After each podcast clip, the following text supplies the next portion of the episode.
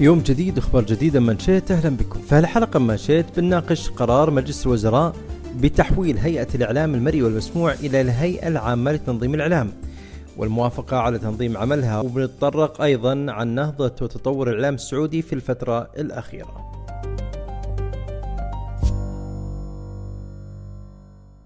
وافق مجلس الوزراء يوم الثلاثاء الماضي على تحويل مسمى هيئة الإعلام المرئي والمسموع إلى الهيئة العامة لتنظيم الإعلام وأفق على تنظيم عملها. وبهالقرارات صارت هيئة تنظيم الإعلام هي الجهة المسؤولة عن الإعلام المرئي والمسموع والمقروء وكذلك مراقبة وضبط النشاط الإعلاني للأفراد والمؤسسات بالإضافة لضبط المحتوى الإعلامي بكل أنواعه في وسائل الإعلام ومنصات التواصل الاجتماعي. وبناء على هالقرار أعلنت الهيئة العامة لتنظيم الإعلام أنها بتكون الجهة المسؤولة بشكل كامل عن تنظيم وتطوير قطاع الإعلام والإشراف عليه وبتتولى دعم البنية التحتية لهذا القطاع والارتقاء به. ووضح وزير الإعلام أن القرار يهدف إلى تعزيز المحتوى المنتج محليا ويرمي لدعم النشاط الاقتصادي للمملكة في مختلف مجالات الإعلام وخلق وظائف وفرص عمل عبر تهيئة البيئة الاستثمارية لتمكين الشركات الوطنية وأضاف الوزير الدوسري أن من فوائد النظام استقطاب الاستثمارات الأجنبية المباشرة إلى جانب اعتماد أحدث التوجهات وأفضل الممارسات المعتمدة اقليميا ودوليا في مجال الإعلام بما يسهم في تحقيق مستهدفات رؤية المملكة 2030 من خلال تنويع مصادر الاقتصاد الوطني.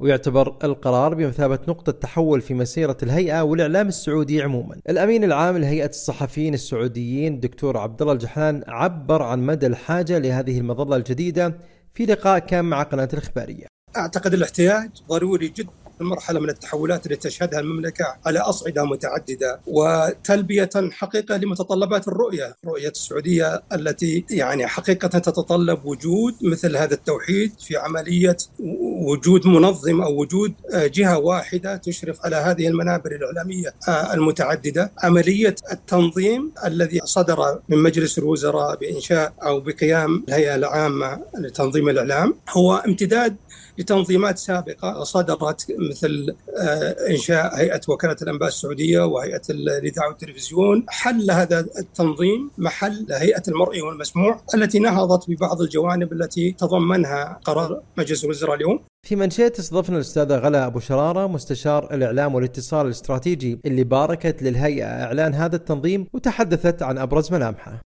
هذا التنظيم الجديد يعد خطوة طموحة ومفصلية والتي بالتأكيد أتت استجابة لمتطلبات العصر الرقمي وتطلعات رؤية المملكة 2030 لعل من أبرز ملامح هذا التنظيم الجديد هو تهيئة البيئة الاستثمارية والتي بالتأكيد ستمكن المؤسسات الإعلامية الوطنية أيضا ستستقطب الاستثمارات الأجنبية المباشرة كما أنها ستحفز النشاط الاقتصادي في مجالات الإعلام. وهذا سيضمن مستقبلا تقديم خدمات ذات جودة عالية والذي بالتالي سيصب في محتوى إعلامي يتسم بالتنوع إضافة إلى رفع مستوى الخيارات الترفيهية للمستهلك وحرصا أيضا على شفافية السوق وتعزيز القيم الثابتة للمملكة العربية السعودية. كذلك التوسع في أدوار الهيئة يمثل خطوة مهمة نحو تمكين الإعلام المحلي من مواكبة التطورات الحديثة والمتسارعة في مجالات الإعلام المختلفة. نحن نمر بتغير سريع جدا ولا بد من مواكبته. لأن الهيئة باتت الآن مع التنظيم الجديد مسؤولة عن رقابة وتنظيم الإعلانات. وهذا سيعزز من مستوى النزاهة والجودة في ميدان الإعلانات. ويضمن توجيهها بشكل مناسب نحو الجمهور. وأيضا تطرقت الأستاذة غلا لأثر هذا القرار في تعزيز المحتوى المحلي. أما عن كيف يمكن أن يعزز هذا التنظيم من المحتوى المحلي فبالتأكيد سيكون بالتالي أولا بعد سن آليات ومعايير لقياس المحتوى المحلي ومساهمة الأجهزة الحكومية ومستهدفاتها على مستوى القطاعات الإعلامية في الجهات وخارجها. أيضا متابعة هذه الجهات الحكومية ووضع المتطلبات على تراخيص الأنشطة الإعلامية ذات الأثر العالي على المحتوى المحلي. هذا أيضا من الأمور المهمة جدا في هذا الشيء. دراسة إنفاق الجهات لتحديد الفرص التنموية للمحتوى المحلي. وكيف يمكن أن يسهم في تجويد هذا المحتوى وتعظيم الفائدة. صياغة السياسات وبالتأكيد الاستراتيجيات والخطط والبرامج ذات الصلة بالمحتوى الإعلامي المحلي لدى هذه الأجهزة الحكومية أو الأجهزة المدنية عامة.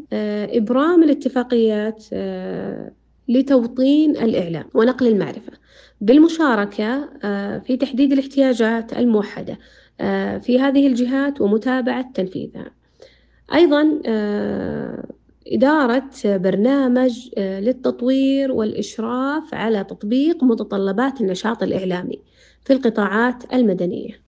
الرئيس التنفيذي للهيئة العامة للإعلام المكلف الدكتور عبد اللطيف العبد اللطيف ذكر أن الهيئة راح تكشف عن استراتيجيتها وهويتها البصرية في الأسابيع المقبلة مع استمرار العمل بالإجراءات الحالية لحين تطبيق الأنظمة واللوائح الجديدة. وأيضا بالتزامن مع هذا القرار أعلن معالي وزير الإعلام رئيس مجلس إدارة هيئة الإذاعة والتلفزيون الأستاذ سلمان بن يوسف الدوسري أمس عن إطلاق قناة السعودية الآن بالتوازي مع اليوم الوطني الثالث والتسعين للمملكة العربية السعودية. وبتنضم هذه القناة إلى باقة قنوات هيئة الإذاعة والتلفزيون. وراح تكون المنصة السعودية الرسمية لنقل الأحداث والفعاليات الرسمية والترفيهية. وفي هذا السياق أكد الرئيس التنفيذي لهيئة الإذاعة والتلفزيون الأستاذ محمد بن فهد الحارثي أن كل التجهيزات اكتملت لإطلاق قناة السعودية الآن اللي راح تغطي الفعاليات والمناسبات والأحداث المقامة في المملكة بشكل مباشر وبتتكامل مع منصات شبكات التواصل الاجتماعي للوصول إلى أكبر شريحة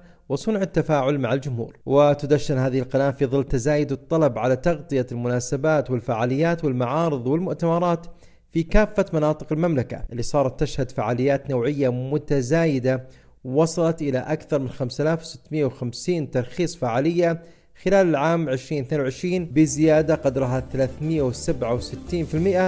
مقارنة بعام 2021